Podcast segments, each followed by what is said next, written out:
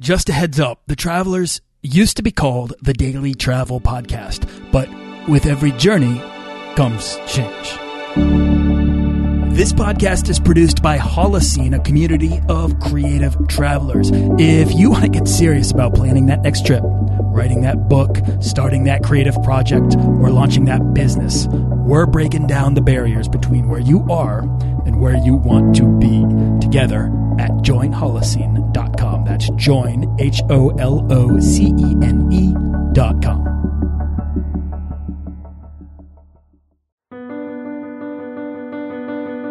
A dominant impulse on encountering beauty is to wish to hold on to it, to possess it and give it weight in one's life. There's an urge to say, I was here, I saw this, and it mattered to me. That's Alain de Botton from The Art of Travel. And today we're painting our way across Argentina with Antrese Wood. Do you want to travel further and more often to visit new places and meet new people and expand the role that travel plays in your life? I'm your guide, Nathaniel Boyle, an explorer that wants to help you get out, see the world, and find meaningful, life changing experiences. Everyone wants to be adventurous and have great stories, to do the stuff of legend. This is the Daily Travel Podcast. All next week is Entrepreneur Week on the Daily Travel Podcast. There's a common recurring thread on this show between travel and entrepreneurship. Digital nomads, location independents, travel bloggers and writers, podcasters and media producers. Many of these fascinating people have built travel into their daily lives on the success of their personal businesses. Entrepreneurship may not be for everyone, but travel in whatever form should be. So I wanted to get some perspectives from location independent entrepreneurs, as well as new upstarts in online business with backgrounds in travel, to delve into how travel has helped influence their decisions to create freedom in their lives, embrace uncertainty, tackle the world with the curious mindset of an explorer, and build their legend. If you're curious about learning the skills to live and work anywhere, or even if you're not and just like good travel stories, then stay tuned for next week's episodes. Today's travel resource of the day is going to be a twofer. It's Uber X and Lyft. Uh, I can't believe people still don't use these services and stick to riding in traditional cabs. Skip the lines at the airport. Don't worry about having the right cash or currency and have a friendlier driver and a better experience. Uber X is the cheaper version of Uber and is most often cheaper than cabs. And then Lyft is like Uber, except instead of the experience of having a personal driver, it's like getting picked up by a friend. And I find Lyft has the advantage on people who can give you a local's perspective. These are no brainers even for non travelers, but super useful on the road. And all of the resources mentioned on this show can be found at dailytravelpodcast.com slash resources. I curate them from personal experience and the recommendations of all my guests who are amazing world travelers and industry experts. So whatever it is you need help with, there's a good chance there's something there that's got you covered. Now, before we dive in, if you want to get started earning frequent flyer miles or points to travel for as close to free as possible, then you can head on over to dailytravelpodcast.com and sign up for the weekly newsletter and get my book, The Beginner's Guide to Points and Miles, completely free.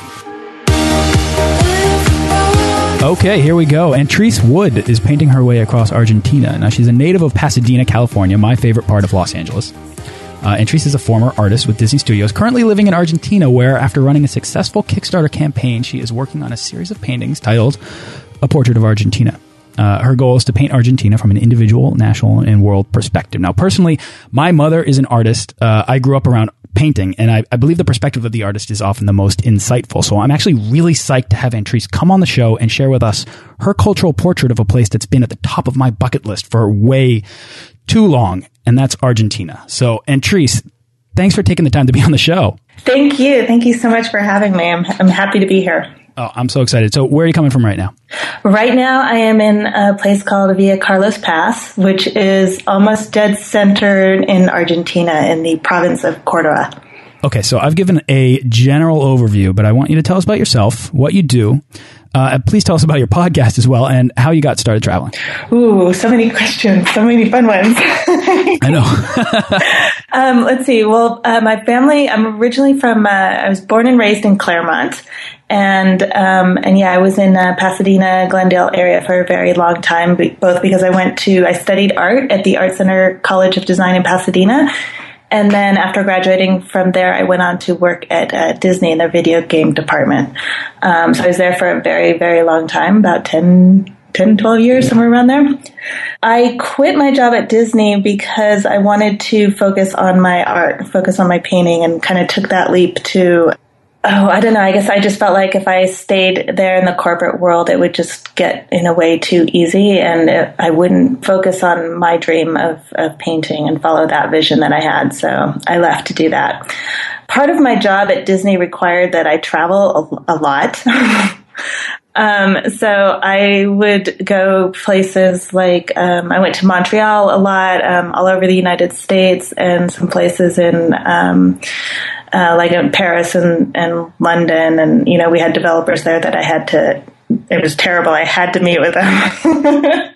were you traveling these places to work with people in offices or were you traveling to work like to do on site scouting or artwork? That was, um, I was working, um, with the art directors at um, we would contract with other companies to do the artwork on the video game so i would work directly with those art directors and make sure that the that met the quality standards at disney very corporate travel. Yes, very, very corporate travel. Yeah, okay. Gosh, well, I mean, I guess that the nuts and bolts story was that I was very driven very much into my job at Disney and went a very extreme amount of time without ever taking a vacation. And then all of a sudden I just realized that is ridiculous. It's not, um, that's not really living my life. I can tell you a particular moment when, when it kind of just clicked and, and the seed was planted. I was, Good, because that's my next question. Is it okay? I was I was coming back from uh, visiting a friend of mine who was she worked in Aspen uh, as a ski. I think she was running the lifts. I'm not even sure what she was doing now, but she was kind of like at that stage in her life. She's my best friend from from high school. She was kind of the opposite of me, where she she you know followed her passion did what she wanted to do and had spent I don't know how long trying to convince me to take just two weeks off to go to Aspen so she could teach me how to ski. I would have a free place to stay and free ski lifts and I still resisted. Oh wow. Total insanity, right? So she she harassed me. I did. I finally went and on the way back I was on the on the flight back I was talking to this older gentleman sitting next to me um, which in itself was kind of rare because I normally, when I get on, I traveled so much for work that when I would get on a plane, I just would fall asleep and not talk to anybody. And so I was, I was talking to him and he's telling me he was, I think, you know, I would guess like late seventies and basically was just telling me like all the traveling he did throughout his life and, um, you know, like all the experiences that he had and all this stuff. And then he started telling me about his, his children who were, who were now traveling the world. And it just hit me like a ton of bricks that, um, my life in a cube wasn't really doing, wasn't really living. And that's the point where I sort of made a decision that I was going to make some changes. Um, and it took me a long time to do it, but I would say that that was sort of the key to it. Um, and another experience that I had that um, that kind of planted the seed for travel was that when I was about 15 years old, I went uh, as a foreign exchange student to Honduras for six months, and so that sort of it that was like the I guess the original seed, and then this guy like kind of threw some water on it and got it growing again. And yeah, those two things just kind of made me. It was it was both the experience of, of being an exchange student in in high school, and then this realization that I was just becoming a workaholic and was not really living my life. Have you ever, ever read The Alchemist? I have. Yes. Yeah, your your story here is very similar to that. It's it's uh, you know you find that that person that inspires you and kind of uh, uh, sets you on your way. Yeah, um, yeah. It was a really weird experience in a way because I. I don't know the guy's name. I don't. I know nothing about him. I just know he was. He was actually going to Claremont, where where I live, uh, where my family was from, and uh, that he was going to visit somebody there named Bob, and that's really all I knew about him. But that conversation had an, an enormous impact on me so you travel when you're 18 you went to honduras that plants the seed and then you uh, kind of become this like uh, uh, routine business traveler with Disney, which is kind of only, it seemed to me like it kind of teasing you. And yeah. then, uh, and then you finally finally meet somebody that kind of pushes you over the edge and convinces you that you know you're not doing the thing that you need to do and you need to pursue your passion and that passion very much involves travel mm -hmm. um, and it's I, am guessing that the, the passion itself is painting. Am i correct? Yeah yeah. I mean that's at the root of of everything. Um, yeah absolutely. All right so so when did you you know actually take that trip that became you know the big one?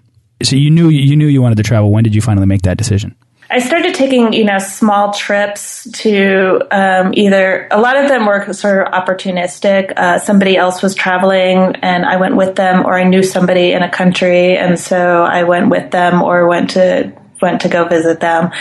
And then somewhere in, let's see, when was it? In 2004, I took a course with uh, NOLS, which is the National Outdoor Leadership School. And I wanted an experience that was, as far away from my normal life as I could possibly get it. I chose an, uh, an expedition that was in Patagonia, in the Chilean side of Patagonia, for the sole reason that the trip was um, it was half kayaking and half mountaineering, and it was a ninety day excursion. And during that time, you never come back to a city. Wow. So you, you know, really stepped outside of your comfort zone. There. yeah. yeah. yeah. Yeah. I was, yeah, somebody who's, who's, uh, I'm not a big swimmer. Um, I like, I like hiking and mountaineering and stuff like that. But yeah, it was completely out of my, out of my comfort zone and, and, and really was the, the purpose of it for me was to just, really shake things up and and push myself in that way and do something where I was completely removed from society more or less for as long as I could I could make it. And Teresa, I really value your perspective on the show, and um, maybe there should be a podcast that just interviews artists about cultures. Mm. Um, I like to write while I travel. Uh, I can draw a little, not very well, um, but I, I wish that everyone were taught to draw in the same way that everyone's taught to write in school.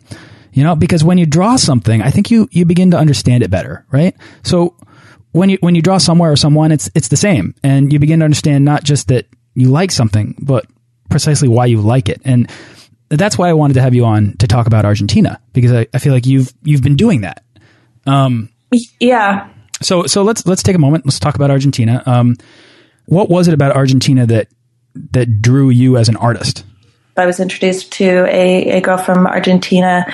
Um, you know, just a friend of a friend said, "Hey, you, you should at least have somebody's phone up." You know, like she knows people down there, so if you get into trouble, at least there's somebody on the same continent that you can call.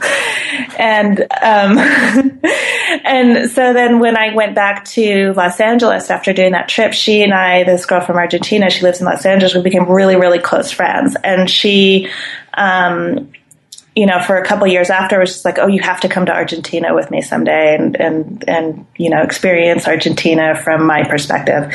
So her, her brother was getting married. A group of us came down for her brother's wedding. And on that trip, I met what would become my husband.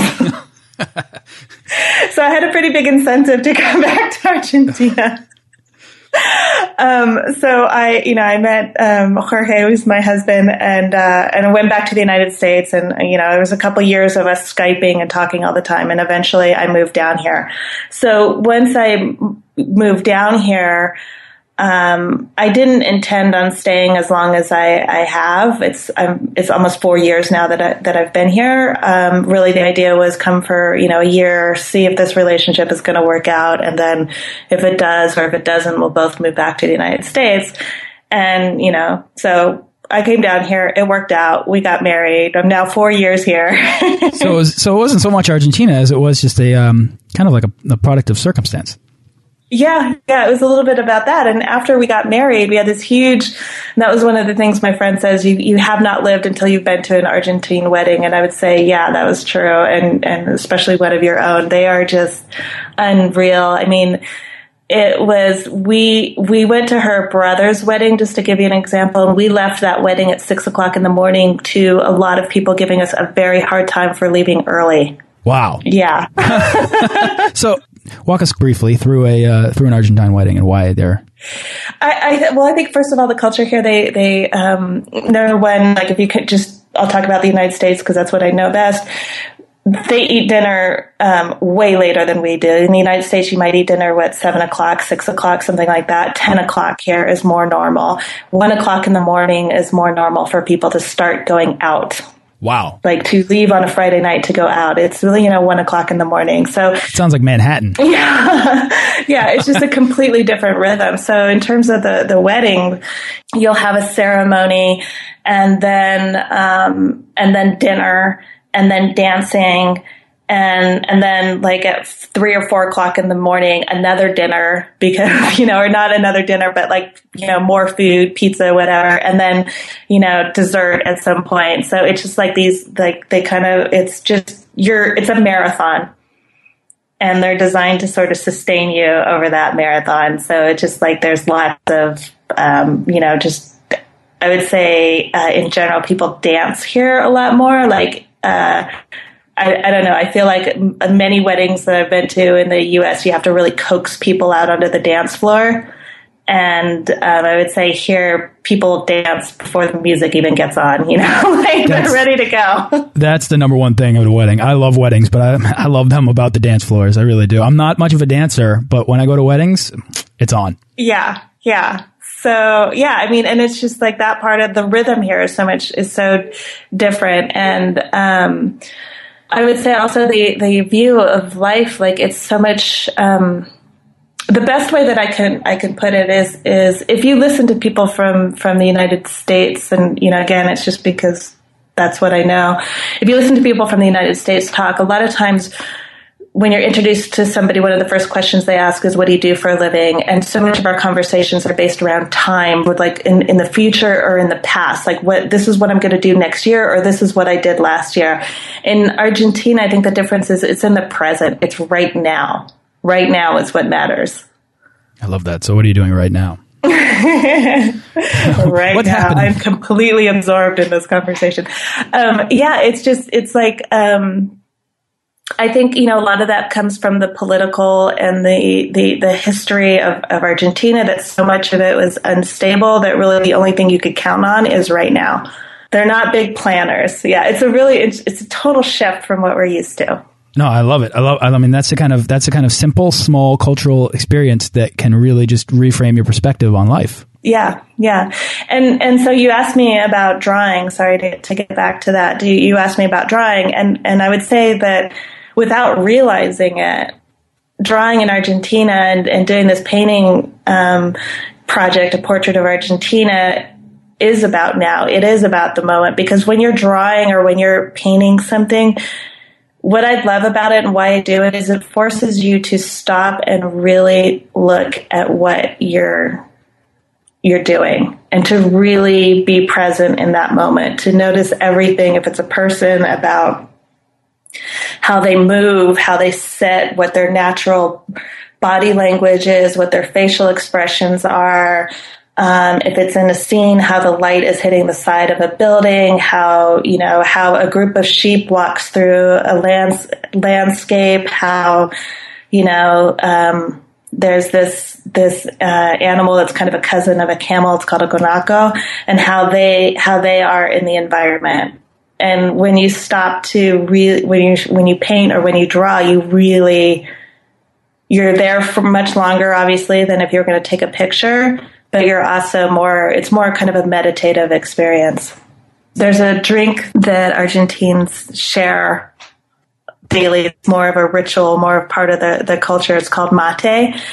And it's a tea that's served in a gourd and a person serves the mate and um, it has it's it's loose leaf tea basically that fills a gourd and then you put a little bit of water on and you have a bombilla, which is basically like a straw with a filter at the end Yep. And so the person serves the mate. Um, they take it. They take it first to make sure that it's okay, and to take the strongest, strongest part of it. And then you you pour you pour it, and then you pass it to the next person.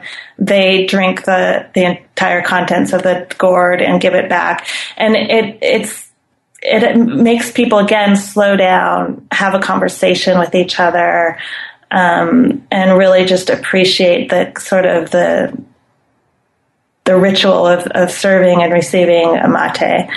Um, yeah, I know. I actually know. Well, my, my college roommate was uh, Argentine, and he he had a. Uh, I'm sorry, I don't know what they're called, even though you just said them. But he would always uh, he would he would he would always uh, uh, hand me uh, you know the mate, and we would we'd sit, and you know it would be a way of just kind of hanging out, but also we kind of bonded over that because that Yeah, playing, yeah. playing guitar, you know. But like it kind of took us away from the busyness of school and the busyness of social lives and the busyness of day to day. precisely what it is. Yeah, Yeah, it's precisely really what it is.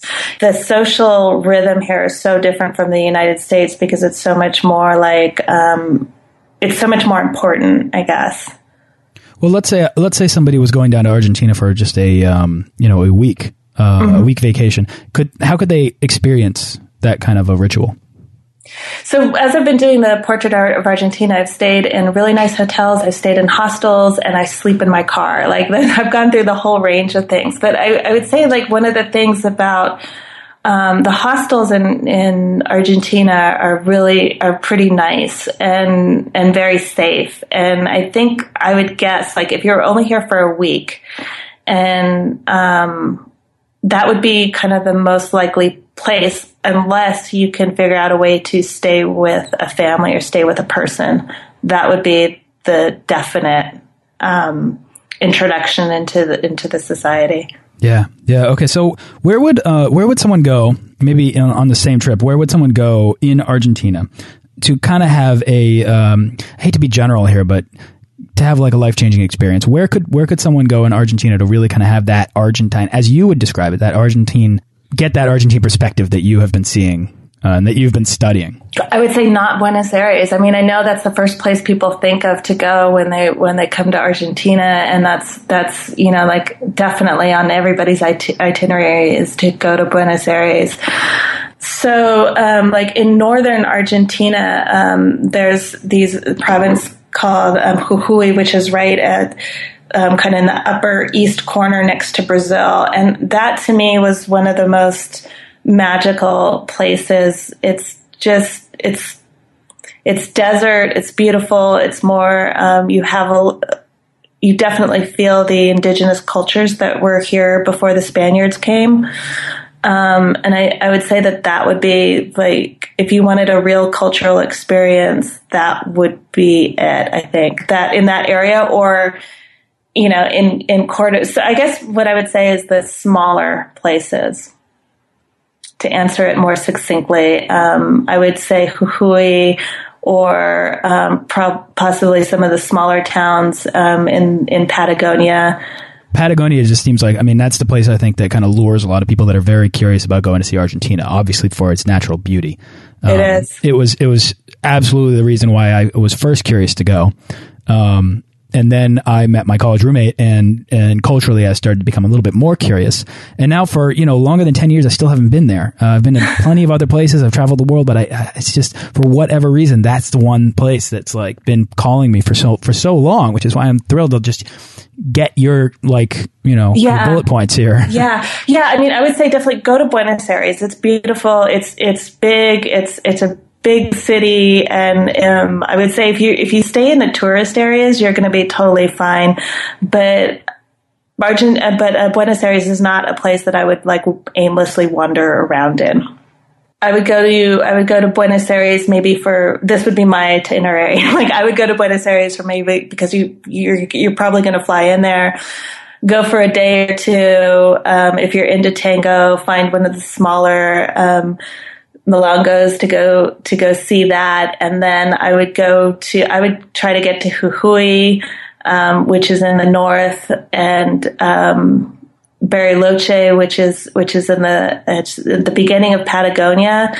Um, and then, you know, like down there, you can just drive and explore. If you take Ruta Cuarenta, which is the, the 40, which runs from basically from Bolivia all the way down to Tierra del Fuego along the Andes. It's just some immensely beautiful, beautiful drives there. Um, but I, I would say that, that Buenos Aires, some of the, the places that you hear of the most often, Buenos Aires, Bariloche, also Iguazu, are also because there's there's such a big tourist draw. You're gonna get the experience, but I would, having traveled the entire country like I have, I would say it's the least like normal Argentina because of they're trying they're catering to tourists. All of this will be in the show notes, and we'll just uh, you know break it down by itinerary or by uh, you know basically by region. We'll, we'll organize all of this in the show notes, so any listener can just hit that up and uh, and check it out. Uh, all right, so we've kind of covered a whole lot of Argentina. I Obviously, know. there's a whole lot more.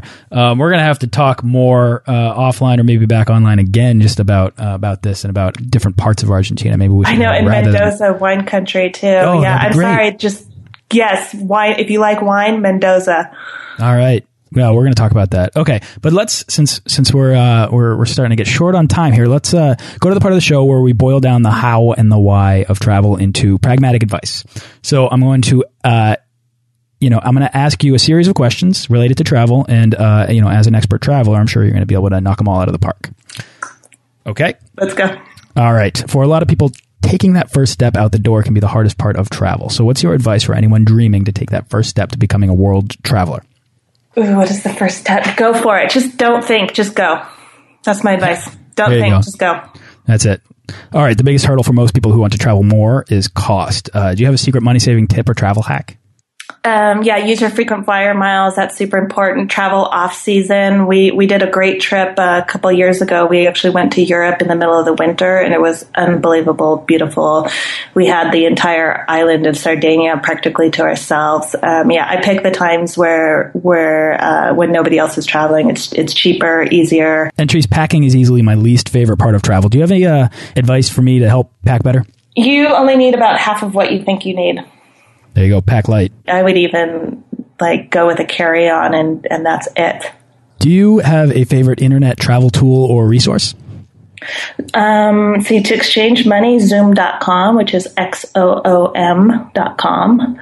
Um, it is, I love it, especially, um, again, this will be Argentina focused, but there's a, um, a huge fluctuation in the value of the dollar versus the Argentine peso here. And there's actually two official values to the peso. If you go to a bank, you're going to get, um, I think it's five now, five pesos per dollar. If you go, um, if you were really adventurous and wanted to do it on the black market, you'd get 12. So that's how the big, how big the difference is.